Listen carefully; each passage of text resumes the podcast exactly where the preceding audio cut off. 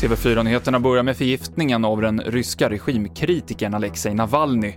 Navalnys medarbetare skriver på Instagram att de letat igenom Navalnys hotellrum i Sibirien och att det i en vattenflaska har hittat spår av nervgiftet Novichok, så man tror nu att flaskan låg bakom förgiftningen och inte den kopp te som Navalny drack på flygplatsen, vilket man tidigare har misstänkt.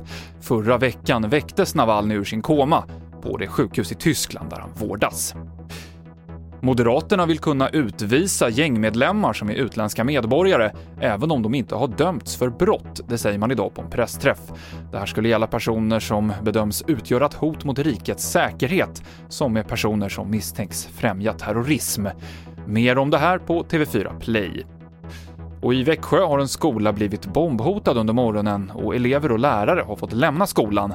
Samma skola ska ha blivit bombhotad förra veckan och polisen säger att man tar hotet på allvar och ska försöka spåra vem som ligger bakom. TV4-nyheterna med Mikael Klintevall i studion.